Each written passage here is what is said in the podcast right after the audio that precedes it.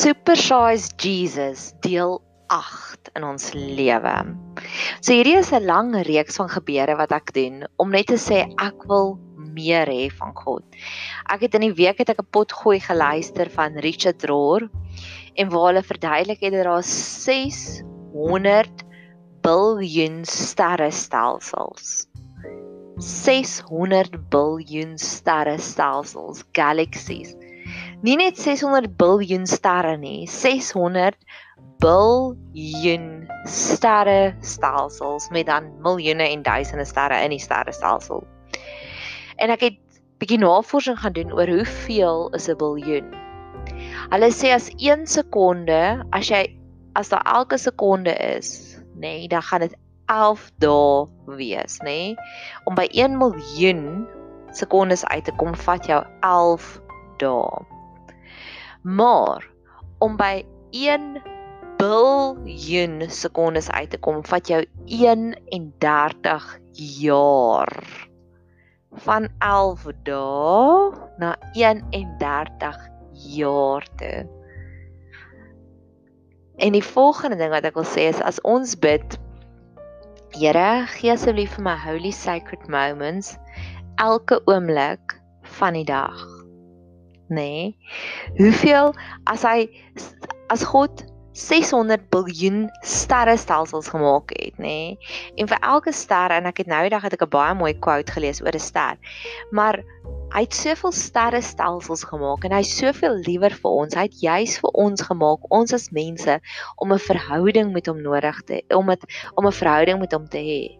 Ek dink as ons elke dag vir God vra wat het jy nodig vandag, sal hy net sê ek wil net ek het net vir jou nodig. Ek het net jou verhouding nodig. Want dis hoekom hy die die die skepping en alles gemaak het. So ek glo nie dis te veel gevra om dalk elke dag 'n holy sacred moment te kry nie of dalk elke ure holy sacred moment te kry nie, want as God 600 biljoen sterrestelsels kon gemaak het, dink jy nie hy sal soveel te meer vir ons doen nie. So hierdie is next level tipe van gebeure.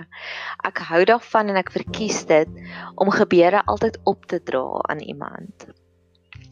En hierdie gebed is juis opgedra aan mense wat uitgelash het teenoor jou en my uit jaloesie uit. Ek glo ek glo jaloesie is die een emosie wat die meeste verskillende maskers het. En ek het in my vorige pot gooi reeks het ek gepraat daarvan om te sê dat um baie kere wat gebeur is is die oomblik wanneer jy op 'n dieper vlakkie van intimiteit kom met God. Die Engelse noem dit more consciousness. Dan gaan daar altyd 'n storm kom. Daar gaan altyd mense wees wat jou gaan verwerp. Dink aan Kain en Abel. Abel het 'n het 'n offer vir vir God gebring en dit was welgevalle en Kain het gereageer omdat en hy het hom doodgemaak. En ek het dit al keer op keer in my lewe gesien. En die mees intensste was die oomblik toe ek net werklik waar meer intiem intiem begin stap het met God, want ek was in 'n vriendekring en mense het my geken op hierdie manier en God het my kom verander en dit was baie weird vir hulle. En ek het een spesifieke persoon gehad wat verskriklik uitgefreek het en uitgelash het daaroor. En nou eers jare later kan ek terugkyk en sien maar dit was eintlik net 'n jaloesie. Dit het soveel verskillende maskers gehad. Daar was eers 'n bietjie van 'n emosionele manipulasie en toe my karakter ingeklim en laastens en dit het omtrent vir 2 jaar aangehou. En omdat ons in 'n klein gemeenskap bly, ken almal vir almal en ek is 'n baie publieke liefde. As jy my vriendin is, gaan ek jou saamsleep na plekke toe ek gaan van jou praat. Ek glo nie in geheime vriendskappe nie. Ek glo in publieke vriendskappe. En omtrent vir 2 jaar daarna het dit sleg afgerippel wat ek by mense gekom het en dan sal ek stories hoor, kinderstories van myself en dinge wat ek sogenaamd aangevang het en ek het nooit gereageer nie, ek het maar net elke keer gebid en dit het ook oorgewaai en die Here het gerestoreer um uit vir my wonderlike fantastiese nuwe ander vriendinne gegee. Maar So hierdie gebed is vir 'n ware ontmoeting vir enige iemand wat jaloers is op jou. Wat sien dat daar 'n verandering en hulle weet nie hoe om dit te hanteer nie en dan doen hulle al die snaakse goed. En ek het nou net gepraat van die sterre en daar's 'n baie mooi quote en dit pas nou hierby aan one must still have chaos in oneself to be able to give birth to a dancing star. En dit was Friedrich Nietzsche wat dit geskryf het. En dit is so mooi en dit is so waar op soveel verskillende vlakke. Want jy sien, daar moet 'n storm wees voordat daar 'n ster kan gebore word, 'n fisiese ster. 'n Ster word gebore deur 'n wind wat waai en 'n wind waai wanneer daar's 'n storm en dan hierdie stofkorreltjie daarbo raak so geïrriteerd en dan ontplof hy in 'n ster. En dit staan iewers in die Bybel ook, ek dink is of in Psalms of in Job waar hulle poëties skryf om te sê God breathed and then there was stars.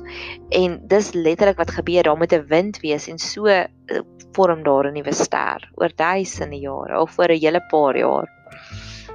So mag dit ons inspirasie wees vir next level gebeure. Hierdie is regtig waar gebeure op next level. Dit is dis super saai. Soos jy instap in McDonald's en jy sê jy soek nie net 'n gewone McMeal nie, jy soek dit super saai. En dis waarop ek op soek is nou. Ek is op 'n Indiana skattejag journey op soek na super saai God se teenwoordigheid in my lewe. En hier's drie punte wat ek graag met jou wil bespreek in hierdie een. Die eerste een is ons begeertes.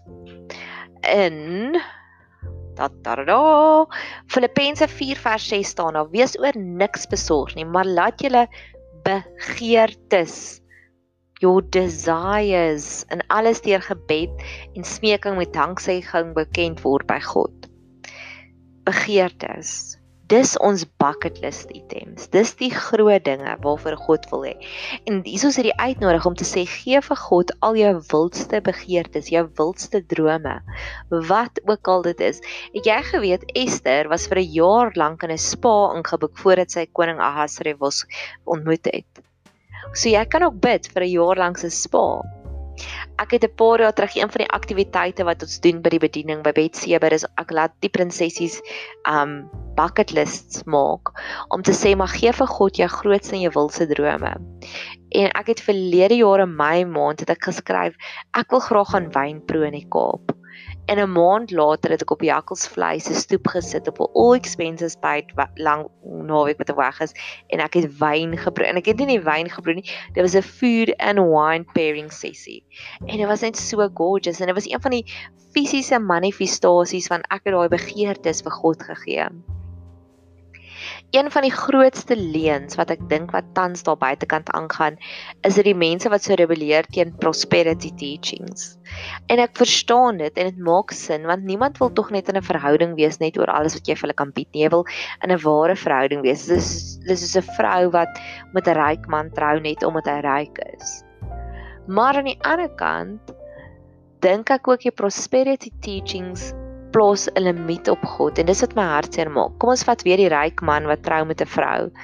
En die vrou sê ek wil asseblief nooit hê jy moet ooit vir my enige skoene koop nie, want ek het nie met jou getrou net oor die geld nie. Obviously moet daar 'n balans wees. Obviously moet jy dit geniet saam met jou man, maar jy weet ook jy het hom nie net getrou vir die geld nie. So ek sien nie balans daarin, maar dis amper asof daar asof die balans nou heeltemal aan die ander kant toe getrek word. Nou hierdie vrou wat net obskuur raak net om te wys hy het nie met die man getrou vir die geld nie. So ek wil ook daarteen bid om te sê laat ons 'n natuurlike gesonde balans hê want ek weet dis met oomblikke soos ek wat by jakkalsvlei gesit het en jakkalsvlei is 'n recurring topic in my lewe oor en oor en oor. En en ek gebruik dit want dit is dis 'n geskenkie wat God vir my gegee het. So ek wil ons aanmoedig om te sê maar ons moet daai groot begeertes gee want my een vriendin sal altyd vir my sê maar onthou net Nadia, wie het daardie begeerte in jou hart geplant? Dit kom nie van jou af nie, dis van God af. God het dit vir ons eers gegee. So ek sal met haar iets deel en dan sal sy sê maar daai begeerte kom van God af. En as 'n mens so dink en daar daar's daai daar's daai stukkie wat ook sê verlustig jou in God en hy sal vir jou gee die begeertes van jou hart.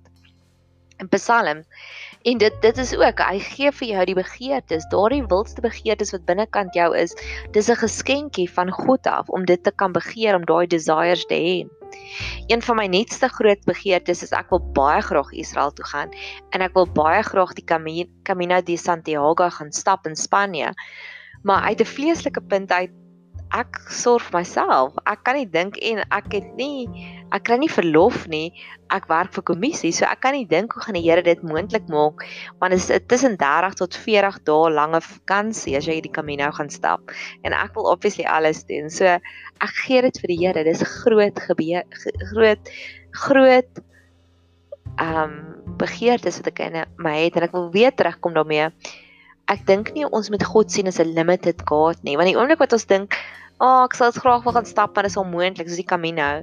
Dan beteken dit ons sien nie ons sien God as uit beperkings en ek wil nie God so sien nie. Ek wil God sien as limitless God. En ek wil weer praat oor verbeelding want ek glo dat daar 'n direkte link tussen verbeelding en jou geloof.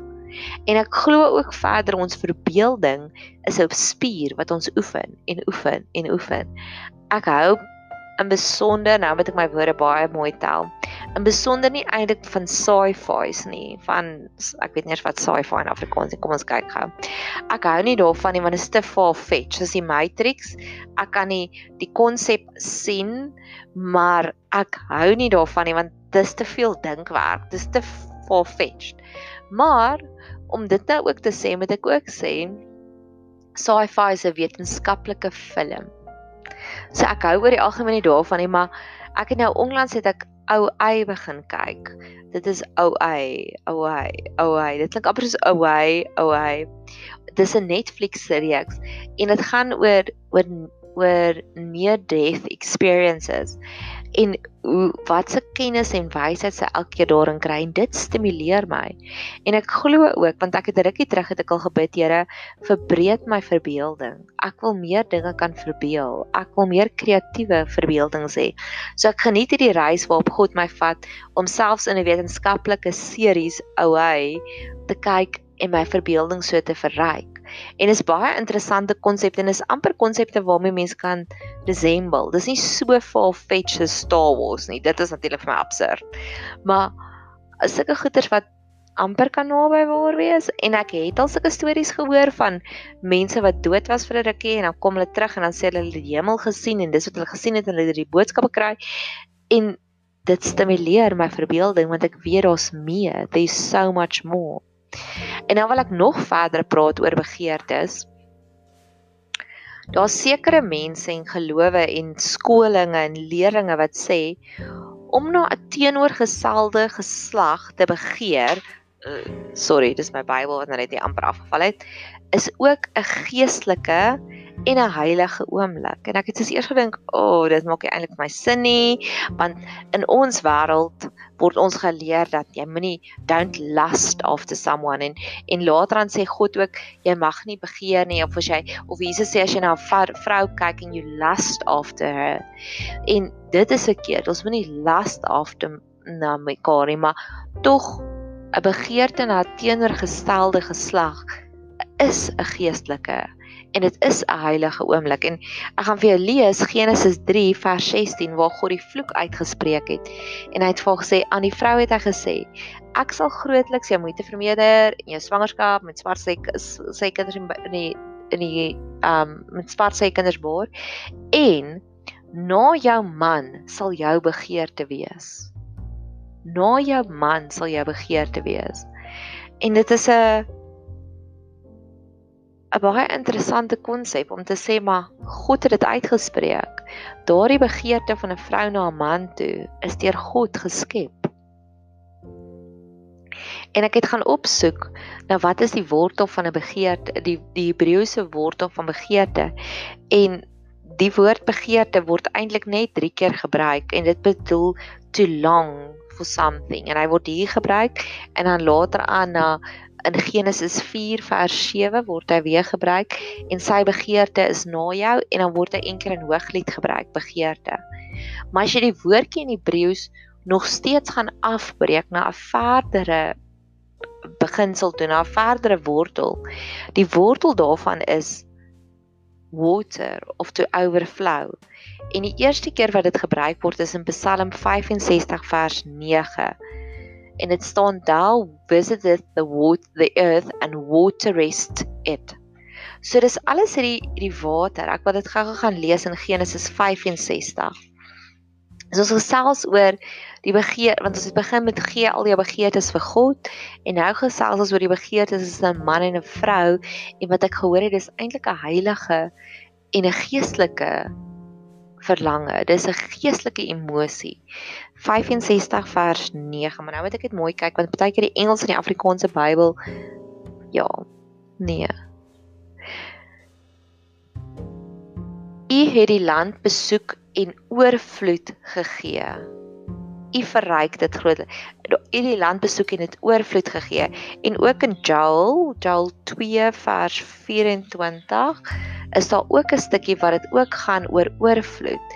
En dis die dis die basis van daardie woord waar begeerte is. Is dit nie is dit nie verskriklik interessant nie? En nou sal ek natuurlik die Joel ken nie. Ek ken nie my kleiner profete presies so mooi soos ek die res van die Bybel ken nie.